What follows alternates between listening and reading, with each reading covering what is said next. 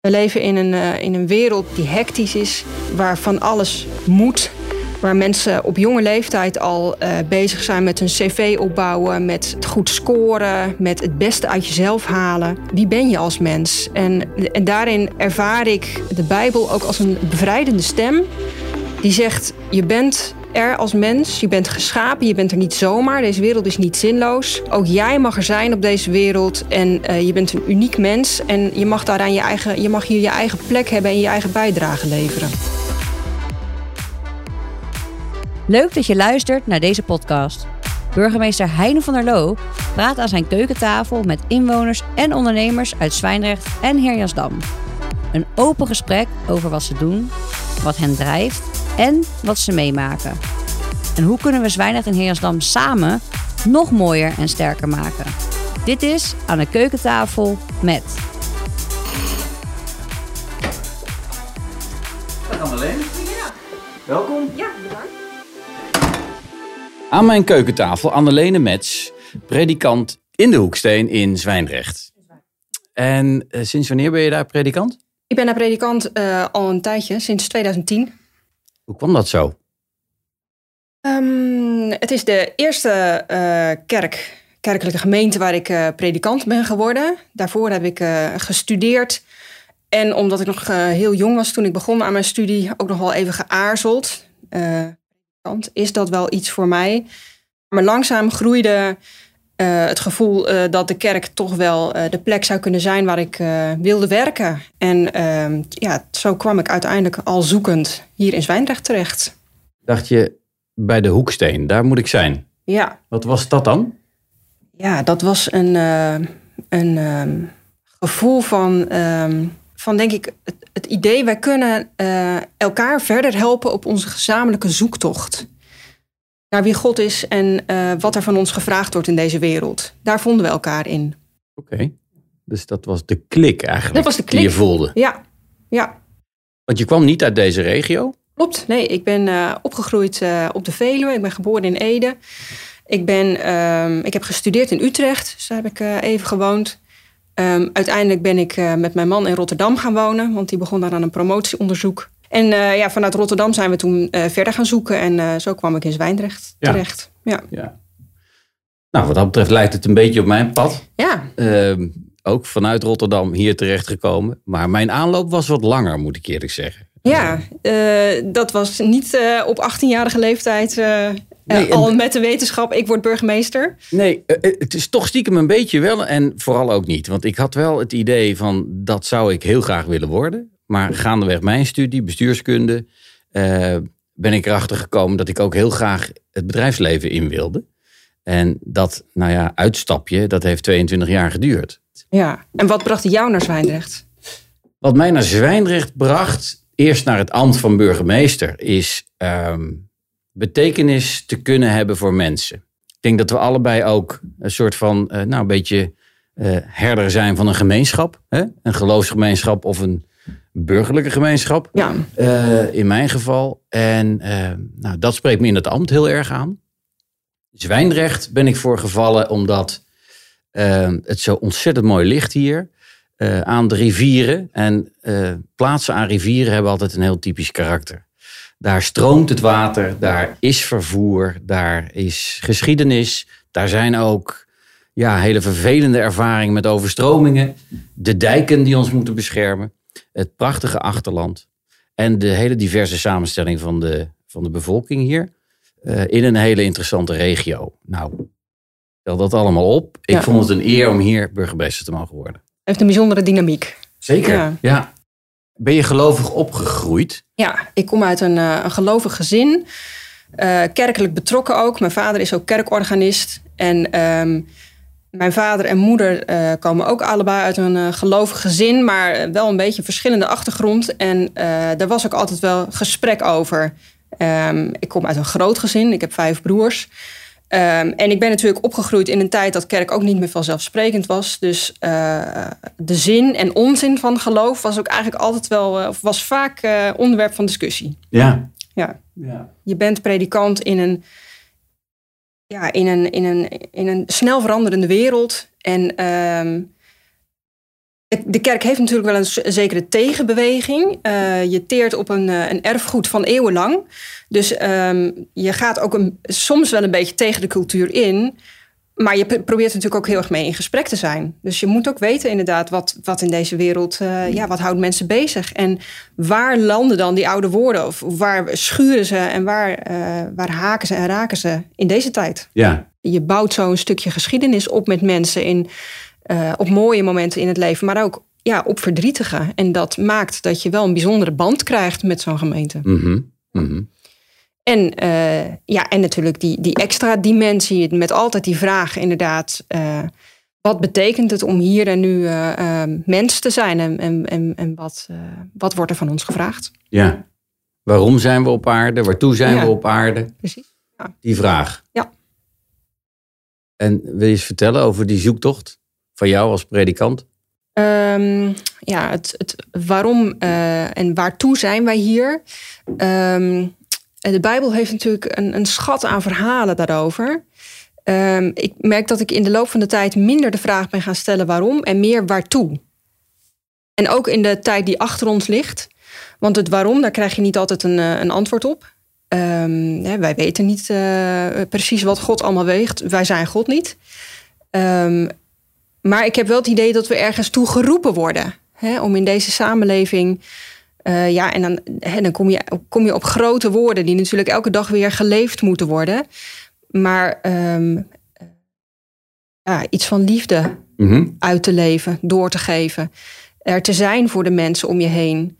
Um, een woord wat ook een hele oude, oude, uh, ja, ouderwets klinkt misschien. Maar wat ik ook meer ben gaan waarderen is het woord genade. We leven in een, uh, in een wereld die, uh, die hectisch is, waar van alles moet. Waar mensen op jonge leeftijd al uh, bezig zijn met een cv opbouwen, met, met goed scoren, met het beste uit jezelf halen. Um, wie ben je als mens? Mm -hmm. en, um, en daarin ervaar ik um, de Bijbel ook als een bevrijdende stem. Die zegt: Je bent er als mens. Je bent geschapen, je bent er niet zomaar. Deze wereld is niet zinloos. Um, ook jij mag er zijn op deze wereld en uh, je bent een uniek mens en je mag daaraan je eigen, je mag hier je eigen plek hebben en je eigen bijdrage leveren. Mm -hmm. En het woord genade. Ja, dat zit voor jou op dat vlak. Zit voor mij op dat vlak. Ja. ja. Ik ben maar tevreden ook en dankbaar dat je mag zijn wie je bent. Ja, ja, dankbaarheid. Ja, dankbaarheid oefenen. Mooi zeg. Genade, ja, dat is toch ook een uh, onderwerp van gesprek onder theologen, ongetwijfeld ben ik niet, maar ook wel gewoon onder de mensen die er een beetje mee worstelen. En ik zelf ook wel eens, hè, de genade Gods. En waarom overkomt ons dan zoveel? Hè? Hmm, hmm. Als die dan zo genadig is. Hè? Ja. Kijk jij daarnaar als predikant? Uh, daar wil ik wel iets over zeggen, maar je vraag triggert me natuurlijk. Uh, heb je zelf uh, iets van huis uit meegekregen aan een rugzak waar dat Zeker. woord in zit of niet? Ik heb daar ook mijn persoonlijke zoektocht in gehad. op verschillende momenten in mijn leven. En ik, ik merk dat het geloof in God is voor mij een uh, een, ja, een wisselend houvast. Het, het, het, het, ik, ik voel het alsof ik in gesprek ben, eigenlijk permanent, Hmm. um, met iemand die ik wil vragen: uh, waar kan ik je zien? Waar mag ik je zien? Wat, wat, wat, wat, wat voel ik van je? Uh, en dan ervaar ik heel vaak die momenten van genade. Van ja, dit is, dit is echt zo'n moment waarop ik dat herken. En uh, er zijn ook momenten waarbij grote twijfel toeslaat. Hè? Ik uh, vind het, uh, dat beeld van het gesprek wat je noemt, dat spreekt mij ook heel erg aan. Zo ervaar ik inderdaad ook wel mijn verhouding tot God. Um, als een voortdurend gesprek. Maar het is natuurlijk een ander soort gesprek dan je met mensen om je heen hebt. Het is een voortdurend proberen af te stemmen, te zoeken inderdaad, te te verstaan wie God is en inderdaad wat er van, van je gevraagd wordt in dit leven. Um, twijfel hoort, denk ik, bij geloof. niet als een uh, permanente uh, omstandigheid. Want twijfel is natuurlijk. Het is niet een prettige, comfortabele zone of zo. Daar wil je het liefst niet in zitten. Maar wie serieus uh, gelooft, uh, ontkomt niet aan twijfel. Die momenten zijn er ook, omdat het leven gewoon niet altijd te rijmen is. Mm -hmm. um, uh, en de kerk is mij dierbaar, juist omdat daar plek is om zulke dingen met elkaar te bespreken. En wat er dan voor mij uitspringt, is, is, is Jezus. In wie ik, hè, in wie God voor mij een gezicht krijgt. Uh, Jezus, um, de mens die ook geconfronteerd is met al die grote vragen van het leven. Maar je ziet Jezus ook als, als, als mens die ook zijn twijfels heeft gehad en zijn onzekerheden. En is dat ook wat je bedoelt? Ja, Daarin ja. is hij ook voorbeeld. Hè? Ja, uh, en, en het allerbelangrijkste moment was uh, het moment dat hij wist: uh, het gaat niet goed, ik ga straks gearresteerd worden. ik, dit gaat niet goed aflopen. Nou, je leest uiteindelijk natuurlijk hè, van dat hij veroordeeld werd, dat hij uh, ter dood uh, veroordeeld werd. Hij voorvoelde dat en hij, hij ging bidden en hij zei tot God: Is dit wel de weg die ik moet gaan? Dus dat, dat maakt hem ook zo menselijk. Ja. Ja. Ja, God, waarom heb je me verlaten? Waarom heb je me verlaten, precies? Het blijft een raadselachtige vraag. Dus je zegt. Uh, je mag onzeker zijn, je mag twijfelen.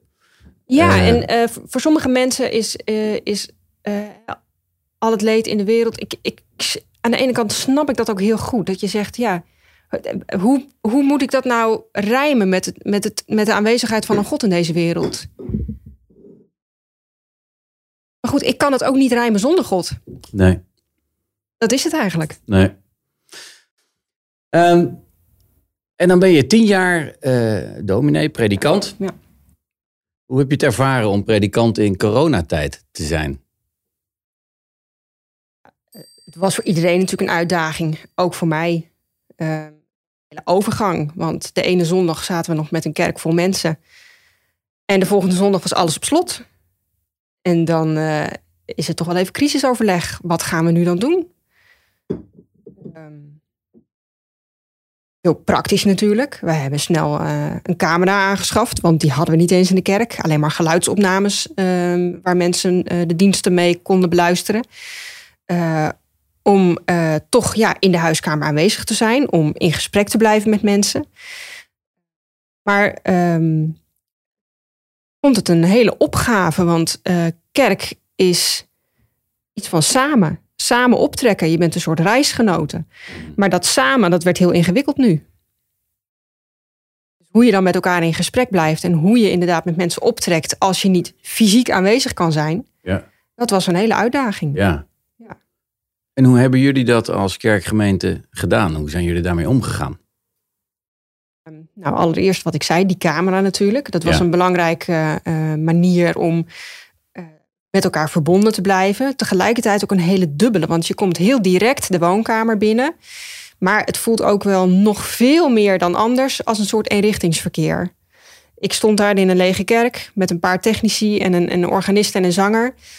En je hebt veel minder een idee hoe dat landt en wat er gebeurt met de mensen thuis en hoe ze dat beluisteren. Dus je kunt zenden, maar het is lastig om dan iets daarvan terug te krijgen. Dat heb ik wel heel erg gemist in deze tijd. Hè? Dat je daar veel actiever naar op zoek moet gaan, naar dat gesprek met mensen. Mhm. Um, dat heb ik natuurlijk op andere manieren wel gezocht. Heel veel via de telefoon. Ja. Um, als het echt moest, uh, ben ik ook naar mensen toegegaan. Want er zijn gewoon momenten dat je elkaar moet zien, dat je niet kan ontbreken. Maar natuurlijk wel met grote voorzichtigheid. Want als ik bij de een kom en ik ga naar de ander, ja, je kan niets meebrengen. Dus dat Ja. risico wil je natuurlijk vermijden. Gelukkig uh, is de Hoeksteen een kerk waar ook veel onderlinge netwerken zijn, waar mensen uit eigene beweging met elkaar het contact onderhielden. Maar goed, het, ja, het was een hele uitdaging. Ja. Ja. Ja, ik herken er heel veel van. Hè? ook In mijn rol ook. Hè? Dus uh, digitaal gaan vergaderen. Ik Ja. kon niet meer naar mensen toe. Nou ja, dat, dat contact was ineens weg. Dus ik moest ook naar andere manieren gaan zoeken. Uh, dus ik heb gekozen voor nou ja, periodiek een brief in een, in, in een lokale krantje hè, aan Ja. alle inwoners. Eh, deze podcast is uiteindelijk ook uit, dat, eh, uit die omstandigheid ontstaan. Hè? Eh, Ja. In gesprek met mensen om ons verhaal en ons gesprek aan veel meer mensen te kunnen laten horen. Nou, ik denk inderdaad, zoals aan de ene kant ervaar ik dubbelheid ook bij die online kerkdiensten. Ehm, aan de andere kant, voor veel mensen ehm, eh, is het ook een uitkomst, omdat ze of fysiek niet in de omstandigheid zijn om om tien uur op zondag in de kerk te zijn. Dan is het heel fijn dat je op die manier wel zoiets eh, kunt meebeleven. En ook al kun je er dan niet aanwezig zijn. Het geeft ook gelegenheid, dat is ook wel aardig, aan een bredere kring eh, van mensen om eens hè, een kijkje in de kerk te nemen zonder meteen fysiek de drempel over te stappen. Je bent op die manier wel toegankelijker ook. Zeker. Aan de andere kant, protestanten zijn heel eh, sober natuurlijk in, eh, in, in, in hun eh, vieringen en in hun kerkgebouwen. Ehm, maar ik heb ook wel heel erg ervaren hoe je zo fysiek samen zijn kunt missen. Ja. En ook al is dat het vals zingen van je buurman, en ook al is dat de, allemaal dingen die je misschien ook niet wilt, achter een scherm kijken is toeschouwer zijn en in zo'n ruimte zitten is beleven. Ja. En dat is niet te vergelijken. Nee, hè? Nee. En, en, en samen zijn. Hè? Ja, Samen bidden, samen zingen. zeker. Het- ja. Dat gemeenschapsgevoel. Dat gemeenschapsgevoel, ja. Dat, daar, nou, daar zullen we denk ik... eh, dat zal denk ik vanzelf gaan. Dat we daar in de komende tijd ons hart weer aan ophalen. Want heel veel mensen hebben dat heel erg gemist. We hebben veel mensen in onze gemeente die al wat ouder zijn. Eh, ook eh, mensen die alleenstaand zijn. En voor wie de kerk ook gewoon een heel belangrijk contactmoment in de week is. Of Ja. niet alleen in de week, maar ook door de week. Heel veel mensen die ook veel vrijwilligerswerk in de kerk doen. En die hebben dat ontzettend gemist ook. Ja. Ja, Ja, eenzaamheid, hè? Ja. Die daardoor is ontstaan, is toegenomen in de afgelopen. eh, Ja. en dat is, dat is wel 15 jaar. erg, eh, was heel taai voor heel veel mensen. Ja. Ja. Dus enerzijds zie je dus door zo'n eh, door zo'n digitalere wereld een heleboel mensen met elkaar in contact komen. Veel makkelijker, veel sneller, Ja. met veel meer tegelijk. Ja. En anderzijds zie je mensen die daar minder handig in zijn of geen toegang toe hebben, die zie Ja. je echt ja, geïsoleerd raken. Ja, Overigens dat voorbeeld van ja, eh, meer mensen tegelijk die de dienst volgen, eh, herken ik ook van onze raadsvergaderingen, die ja, altijd bezocht werden door een trouw groepje inwoners, eh, die fysiek naar het eh, gemeentehuis kwamen, naar de raadzaal. En nu, dat meten we, eh, hebben we echt nou ja, ruim 100 eh, bezoekers, toehoorders eh, per vergadering. Hè? En eh, hoogtepunt was geloof ik ergens tegen de 200. Dus eigenlijk wel mooi als je zo... dat is mooi inderdaad. Dat meer mensen op die manier de kans hebben om mee te denken, mee te doen. En dat je inderdaad ook, ook ja, transparant bent op die manier in wat je doet. En mooi dat het drempelverlagend is. Ja, hè? ja. Ja. Annelene, eh, we raakten al eventjes corona. En we raakten ook het onderwerp eenzaamheid door corona. Ehm, wat hebben jullie als kerk en wat heb jij als predikant daarin en daaraan kunnen doen? proberen natuurlijk wel ook zoveel mogelijk inderdaad mensen op te zoeken en contacten te leggen. Dat hebben we eh, gedaan eh, door heel veel eh, te bellen. Dat heb ik zelf gedaan, maar ook we hebben op verschillende manieren met kleine attenties wel geprobeerd inderdaad ook mensen te bereiken en te laten weten. Je hoort erbij. We kunnen elkaar in deze tijd niet zoveel zien, maar je hoort erbij.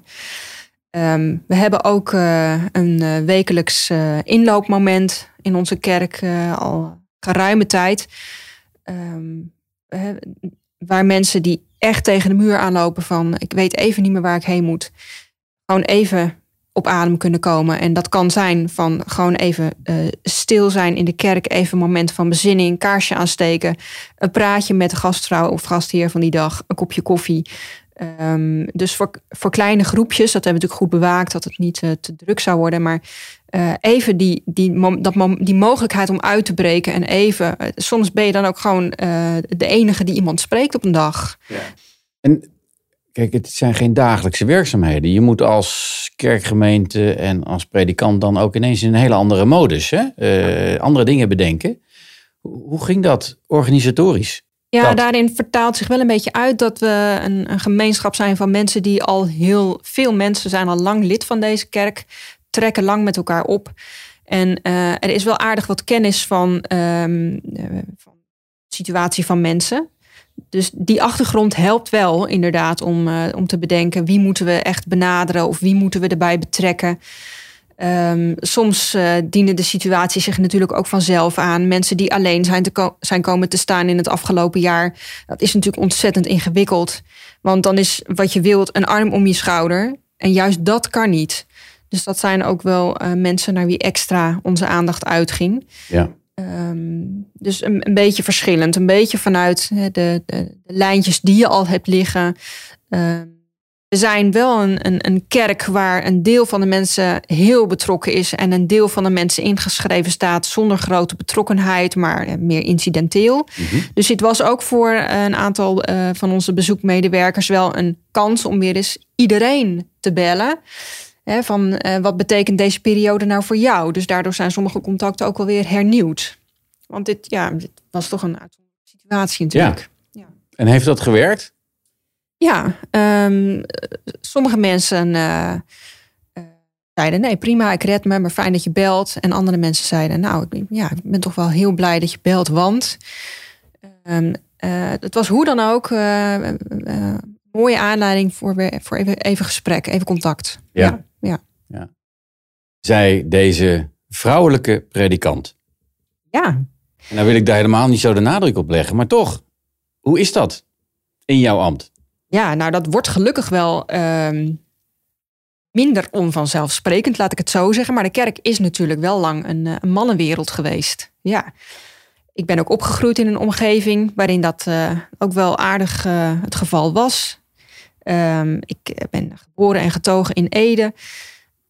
En de kerk waar ik toen naartoe ging, dat was ook een kerk waar geen vrouwen predikant konden worden of, of andere wel heel veel andere activiteiten, maar toch, dat ambt was voorbehouden aan mannen.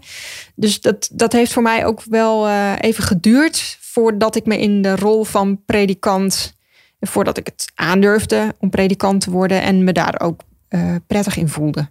Daar moest ik wel in groeien. Daar moest je in groeien. Van huis uit heb ik altijd. eh, was, er, was, er, was er geen enkel bezwaar. Het was meer mijn eigen reserve. die te maken had met toch wel het feit dat je in zo'n omgeving weinig rolmodellen had, Mhm. hebt. En wat er natuurlijk ook nog eens bij komt, is je eigen, eigen jeugdigheid. Want als je 18 bent en, eh, of nou ja, naarmate de studie vorderde, iets ouder. Ja, nou ja, dat, je zei het zelf al. eh, dat geldt ook voor het burgemeesterschap. Maar het geldt ook voor het predikantschap. Dat dat best een, een best grote schoenen zijn om in te stappen. Ja. Ja. Dus dat gold voor mij ook. Ja, nou hebben we best een serieus gesprek. Maar waar lig jij nou van in een deuk? weet ik nog hoe ik, toen ik net eh, in de eh, nou ja, een soort van sollicitatieprocedure zat eh, naar deze kerk. En degene die, die in die commissie zat, mij een, een bericht stuurde. En zijn autocorrectieprogramma had van mijn naam Annelene aanbedenen gemaakt. En hij kwam daar achteraf achter. En we kenden elkaar nog niet zo goed. Nou ja, goed, dat, dat leverde ook een heel... Dus het was eh, wat vrij eigenlijk. Zo, zonder dat je elkaar kende. Aanbedenen. Ja. Aanbedenen. Ja. Dus hij dacht, wat moet ze hier wel niet van denken? Ja, ja. ja, ja, Ja, ja. ja. Nou ja, dat zijn leuke dingen. Ja. ja.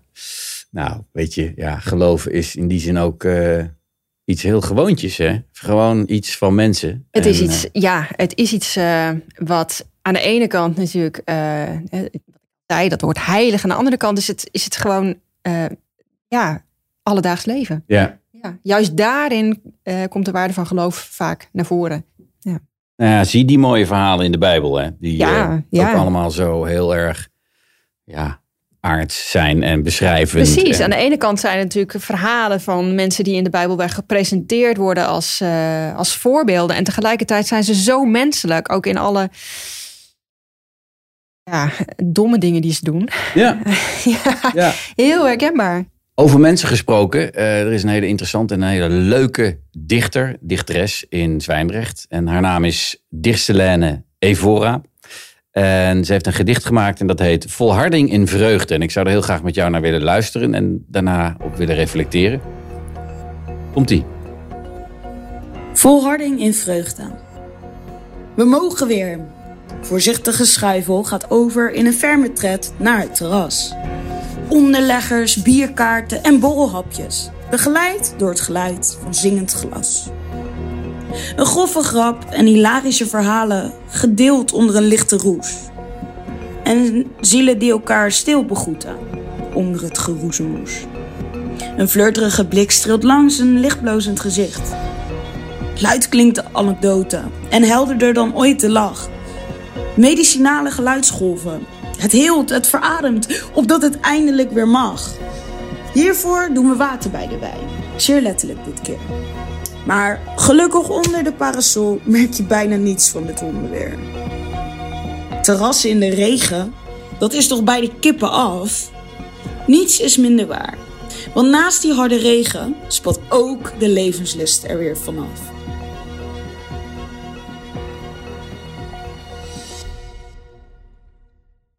Dircelene Evora, volharding in vreugde. Wat doet dit gedicht met jou, Annelene? Nou, de titel alleen al vind ik heel ehm, eh, sprekend wel voor hoe in eh, onze gemeenschap, denk ik, ook de afgelopen tijd ervaren is. Het gevoel van eh, volharding, dat was er vanaf het begin. we kunnen dit, we gaan er tegenaan met z'n allen. Er was in onze kerk ook niet echt discussie over de maatregelen van overheidswegen. Ehm, er was een, wel een breed gedragen gevoel van we moeten dit met elkaar volhouden. En, uh, en dat gaat ons lukken. Het zal moeilijk zijn, maar dit gaat ons lukken. Um, en nu voorzichtig durven mensen inderdaad ook weer de vreugde uh, toe te laten van ontmoetingen. Er is ook bij veel mensen wel angst geweest. Dus dat die, die vreugde weer terugkeert, dat, uh, dat heel veel mensen welkom. En dat dat, zoals hier op het terras, zoals ik dat beluister, dat heeft alles te maken met de ontmoeting die weer mogelijk wordt. En uh, het elkaar kunnen zien, het geroezeboes, hè, het soms uitbundig en soms alleen maar die stille blik. Maar wat dat met een mens doet, vind ik heel herkenbaar. Ja, mm -hmm. en uh, hoe, hoe nou, helend dat woord zit er volgens mij ja, in. Dat kan zijn. Ja, ja, ja, Het heelt en verademt. Ja, ja. Opdat het eindelijk weer mag. Ja, ja. ja verademen ook. Ja. ja. Dat Bij je letterlijk kunt, precies, op je kunt, longen eh, slaat. Ja, Ja. maar ook kunt opademen weer van elkaars gezelschap. Want Juist. van alleen zijn en eenzaamheid kun je gewoon ook echt, dat kan ook gewoon een, een ehm, ja, zware deken over je heen leggen. En ontmoeting, hè, sommige mensen eh, varen er heel wel bij, bij die eenzaamheid. Of dat, dat alleen zijn, die kunnen daar heel goed mee uit de voeten. Maar ik ben ook heel veel mensen tegengekomen die inderdaad echt als heel moeilijk ervaren hebben. En dan is elkaar weer kunnen zien, kunnen zien echt opademen. Ja. Ja, dus ik vind het eh, heel herkenbaar. Een flirterige blik streelt langs een licht blozend gezicht. Luid klinkt de anekdote. En helderder dan ooit de lach. Ja, je ziet het voor je, hè? Ja, het is Eh, heel Twee van die jonge verliefde mensen ergens Ja. op een terras. En, Ja, ja. Ja en eh, zelfs dat alleen al, hè, die flirterige blik. Je, zou, je, je denkt, wat is nou een blik?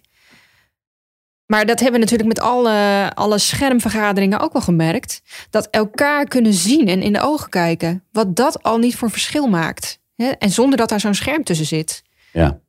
wat dat met een mens kan doen. Hè? Eh, Ofwel eh, inderdaad het flirterige of in hele andere omstandigheden. Ja. Wat, Ja. ja. Ja, precies. Dat je de bloos weer ziet en dat je de lach weer voelt. En dat je ehm, ja, aanraken hè?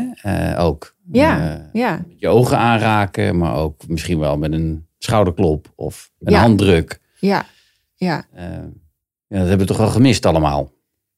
heel erg. Ja, de term huidhonger is natuurlijk veel voorbij gekomen het afgelopen jaar. Maar ik heb veel mensen ontmoet die daar echt aan geleden hebben. Ja, Ja, ja. En, en, en juist ook inderdaad die mensen die geen partner, geen gezin hebben. Hoe die de aanraking gemist hebben. gewoon een knuffel en Ja. eh, Ja, ja. ja, een arm om de schouder. Ja. We gaan die kant weer op, Annelene. En ik zie jou daar een grote glimlach bij eh, toveren. Ja, niet, niet zozeer hè, voor mezelf. ehm, ik heb het geluk dat ik een man heb en drie kleine kinderen. Ik heb uh, heel veel kunnen knuffelen het afgelopen jaar. Ja. um, maar uh, uh, nee, voor de gemeenschap waar ik in werk zie ik uh, hoe mensen persoonlijk inderdaad daar heel erg naar verlangen. Maar ook uh, in die gemeenschap zelf, hoe dat onderdeel is inderdaad van onze rituelen en van uh, onze ontmoetingen. He, dat je elkaar kunt zien en aanraken, hoe belangrijk dat is. Ja, ja daar zie ik echt naar uit. Ja. Ja. Dat maakt ook gemeenschap. Ja. Nou, ik heb je in dit gesprek ervaren als een predikant die uh, wil aanraken, maar wil raken ook. Hè? Mensen wil raken en uh, heb je bij mij eigenlijk ook gedaan. Als ik uh, zo vrij mag zijn. Dus ik vond het een heel inspirerend gesprek. Ik vond het ook een leuk gesprek. Ik wil je ontzettend bedanken. Ja, ook bedankt voor de gelegenheid om hier te zijn. Ik heb het ook ervaren als een heel fijn gesprek. En bijzonder ook inderdaad om te zien hoe we allebei op onze eigen manier herder zijn van onze eigen gemeenschap. Dankjewel. Bedankt voor het luisteren. In de volgende aflevering van deze podcastserie ontvangt burgemeester Heine van der Loo een nieuwe gast bij hem aan de keukentafel. Hopelijk luister je dan weer.